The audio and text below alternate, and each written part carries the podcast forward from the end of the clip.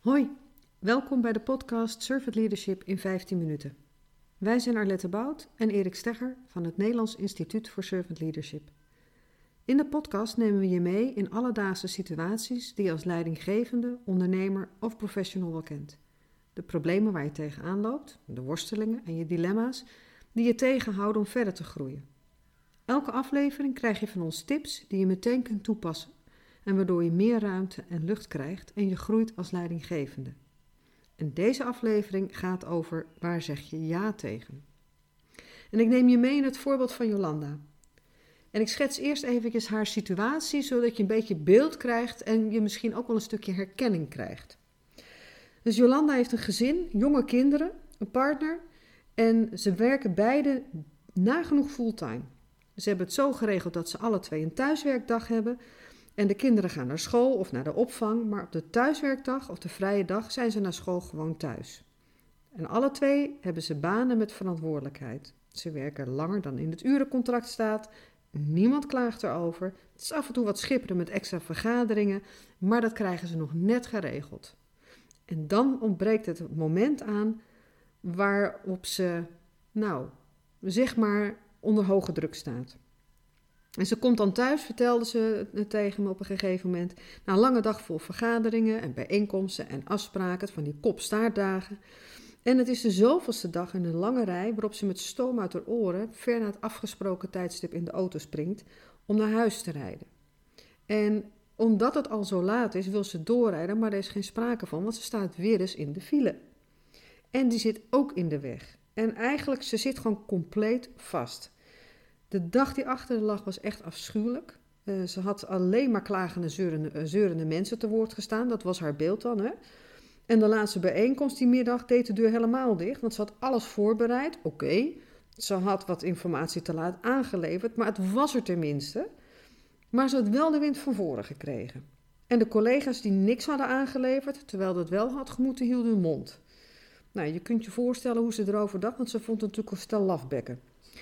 En morgen maar weer een dag extra werken, want dan zou ze die achterstand wel wegkrijgen. Nou, ze ging al iedere dag met werk in de tas naar huis, want dat zou ze dan s'avonds, als de kinderen op bed lagen, nog wel even wegwerken. En hoewel ze daar ernstig aan aan twijfelen was, want um, dit hoorde zich zichzelf, ze had zo'n, zo'n, ineens zo'n licht moment, dat ze, ja, dit zeg ik toch wel heel vaak tegen mezelf. Morgen alleen nog die ene dag extra, en dan wordt het rustig. Maar het werd niet rustig. Dus toen ze eenmaal thuisgekomen was, dacht ze: oh, rust. Nu even geen gedoe. Maar ja, twee kleine kinderen, dol enthousiast, mama is weer thuis. Ja, er was natuurlijk helemaal geen rust. Dus ze vlogen er om de nek, sprongen er om de hals, knuffel, knuffel, knuffel. En, eh, maar ze moest mee, want ze hadden met Lego toch zoiets moois gebouwd. En ze struikelde, kun je je voorstellen, je ziet de situatie, Lego-steentjes overal. Je breekt je nek, nog net niet over de losse Lego-steentjes. Maar goed, daar was ze dan bij het bouwwerk. Nou ja, dat zag er natuurlijk hartstikke leuk uit. En ze zei, oh wat mooi en oh wat knap gedaan. Maar ze was er helemaal niet bij met haar gedachten natuurlijk. Die waren nog bij de werk.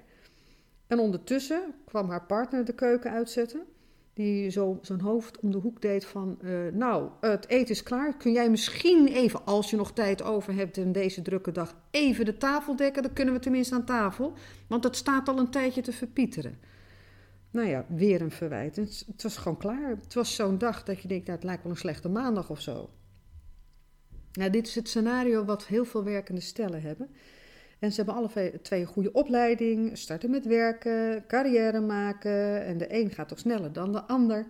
Kinderwens komt op om de hoek zetten. Nou, die wordt dan ook nog vervuld en dat is hartstikke mooi. Maar dan is er wel de vraag, waar zeg je ja tegen en waar tegen zeg je nee? En dat geldt voor heel veel, nou, iedereen eigenlijk. Want de hele dag door moet je keuzes maken. En het begint al met de wekker die afgaat omdat je hem hebt gezet, omdat je naar je werk moet of iets anders moet gaan sporten, weet ik veel. En de wekker gaat en dan kies je al, sta ik meteen op of blijf ik nog even liggen? En als je blijft liggen, mm, ik ontbijt nu maar eventjes niet rustig thuis. Nee, weet je wat, ik smijt een pakje brood in mijn, in, in, mijn, tas en ik zet mijn computer op mijn werk aan en dan snack ik het even snel naar binnen. Maar zonder aandacht voor wat je werkelijk eet. Dus je bent nergens meer bewust mee bezig. Maar alle keuzes hebben consequenties. En de vraag is dus of je niet alleen bewust bent van de keuze voor de korte termijn, maar ook voor de consequenties van die keuze op de korte en de lange termijn. En je snapt natuurlijk met het verhaal van Jolanda, wat ik zo net uh, schetste, dat Jolanda op het punt stond om op te branden. De werkrelatie stond onder druk, want daar presteerde ze niet meer. De persoonlijke relatie stond onder druk, want ja, zo steeds te laat kon afspraken niet nakomen. Of moest haar man vragen om in te springen als zij weer vergadering had. En de relatie met de kinderen, ja, die stond natuurlijk ook onder druk. Want ze was niet de gezellige moeder die, uh, die ze misschien zou willen zijn. Ja, dus toen ze bij ons kwam, eigenlijk hoorden we alleen maar een hoofd praten. Ik weet niet of je daar een voorstelling bij kunt maken, maar we hoorden alleen maar hoofd. Ratio, ratio, ratio. En alles werd tot in de puntjes werd het uitgelegd en ze kon het goed beredeneren, de situatie waarin ze zat. Anneliese, daar had ze geen gebrek aan. Maar het punt was wel dat ze de situatie niet meer kon doorvoelen. Ze had namelijk geen enkel idee meer wat ze precies voelde in die hectiek. Ze was de verbinding met zichzelf totaal kwijt. En toen zijn we eigenlijk maar gestart met de vraag, moet je voorstellen, vraag 1. Wat is ten diepste belangrijk voor jou? Wie ben je? Wie wil je zijn? Hoe wil je laten herinnerd worden? En die vragen zetten haar even stil. En over stil worden, dat is de vraag die ik nu eigenlijk ook aan jou stel. Als luisteraar, wat is voor jou ten diepste belangrijk in je leven? Wie ben je?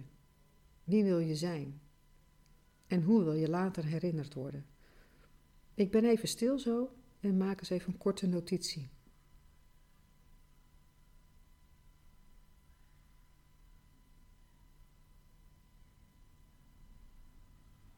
Ik realiseer me natuurlijk heus wel dat die vragen, dat zijn natuurlijk hele grote vragen, en dat die paar seconden tijd die ik nu stil ben geweest, natuurlijk bij lange na niet genoeg zijn geweest om echt te antwoorden. Het gaat er ook niet over dat je ze nu helemaal uitschrijft. Ik wil je ze meegeven, ik wil een zaadje bij je planten en dat je er op een ander moment dat het je wel uitkomt of dat je er tijd voor kunt maken en wilt maken, dat je er dan over gaat nadenken en er dan op terugkomt. Dus wat is ten diepste belangrijk voor jou? Die stelden wij dus ook aan Jolanda. Wie ben je? Hoe wil je herinnerd worden? En die vragen zetten haar dus ook even stil. Want over die vraag had ze namelijk nog helemaal nooit nagedacht. Ze was tot dat moment alleen maar bezig om van de ene naar de andere dag te overleven, van vergadering naar afspraak. Dus deze lange termijnvraag was voor haar natuurlijk heel erg confronterend. Want de vervolgvraag was wat ze nu al deed om in die richting te komen van wie ze wilde zijn en hoe ze herinnerd wilde worden. Ja, daar kwamen de eerste tranen wel in de ogen. Ook deze vraag was pijnlijk, maar ze ontving hem wel in dankbaarheid. En de derde vraag, of nou ja, de derde, de volgende vraag, was de vraag welke persoonlijke waarde haar richting bepaalde en of ze er ook naar handelde. Maar ze had geen idee. En om jou een idee te geven, je persoonlijke waarde fungeert als een soort moreel en ethisch kompas voor jezelf. En dan kun je denken aan wat betekent een waarde als liefde of als vrijheid of geluk of impact of plezier, compassie. Hoe leef jij je leven? Wat zijn als het ware de piketpaaltjes die jou op je, op je rechte pad houden om naar die droom, naar hoe jij later herinnerd wil worden, jouw eigen rentmeesterschap, je nalatenschap, hoe je dat invulling geeft. Daar gaat het over. En in de loop van de tijd dat we met haar werkten, maakte ze een aantal belangrijke keuzes. Want ze leerde dat ze door regelmatig te gaan vertragen weer contact kon maken met hoe ze zich echt voelde. En het vertragen was geen doel op zich, maar een middel. En ze besteedde die vertragingstijd, die, ze gaf zichzelf iedere dag een half uur, waarin ze ging reflecteren, waarin ze naar buiten ging, even wandelen, ook onder kantoortijd, even wandelen zonder doel. En meestal gaan we naar buiten om van A naar B te komen, omdat we daar iets te doen hebben. Maar zij ging gewoon wandelen om het buiten zijn. Dat was het doel. Even helemaal niks. en ze leerde dat een ja tegen een ander, zelfs als dat de kinderen betrof, ook inhield dat ze nee tegen zichzelf zei. En dat is geen enkel probleem, zolang er maar balans is. En ze leerde ook dat een ja tegen zichzelf in overeenstemming met haar waarde handelen, een nee is tegen een ander. En ze onderzocht de oorsprong van dit gedrag en leerde om met een innerlijke stevigheid echt keuzes te maken die haarzelf dienden. En dat ga ik nu doen, want ik ga nu even een slokje water nemen. Dus daar ben ik weer. Ze maakte dus keuzes die haarzelf dienden. Ze begon rust en reflectiemomenten in haar dagelijkse programma in te bouwen. En zo kreeg ze tijd om niet alleen na te denken, maar deze tijd ook te gebruiken om te voelen hoe het met haar energie was en of ze meer tijd voor zichzelf nodig had of niet. Dus wat leverde haar dat nou op? Ze kon veel makkelijker kiezen voor wat ze echt belangrijk vond. Ze zei niet altijd maar ja uit gewoonte. Op de vraag of ze nog even een extra projectje erbij kon doen, omdat anderen al zo vol zaten. Dan geloof je bijna niet, hè? maar ze was een soort vuilnisbak geworden. Hè? Alle nare projecten gaan gewoon naar degene die het vaakst ja zegt en bijna nooit nee durven te zeggen. Maar goed, zij zei dus vaker ja tegen de vraag die haar echt gelukkig maakte. Dat ze ruimte creëerde om bij zichzelf te checken of het wel in overeenstemming was met haar waarden. En omdat ze vaker nee zei, omdat het namelijk niet passend was bij wat haar gelukkig maakte en of het haar waarde nou echt diende, werd ze meer gewaardeerd dan ooit. Dus dat is heel raar. Door vaker nee te zeggen, wordt je meer gewaardeerd. Ze was dus niet meer een soort kliko waar alle lastige vragen in gegooid werden, maar een rots in de branding, die heel geduldig een soort serene rust uitstraalde. Als ze een ja zei, dan was het ook ja en deed ze ook ja. En als het nee was, dan deed ze ook nee. Dus ze kaatste als een rots de zaken terug die niet voor haar verantwoordelijkheid kwamen en nam zaken op zich die wel bij haar verantwoordelijkheid hoorden. En ze gaf ook de directie op een prettige manier heel stevig feedback en nam de leiding over haar club mensen steviger dan ooit tevoren. Dus zij stond veel meer in haar kracht, in harmonie met zichzelf. En dit verhaal overigens, voordat je denkt, nou, dan hebben we weer zo'n typisch vrouwending, dat is dus niet zo, hè? Dit is ook een vraag waar heel veel mannen bij ons mee komen als ze bij ons de training instappen.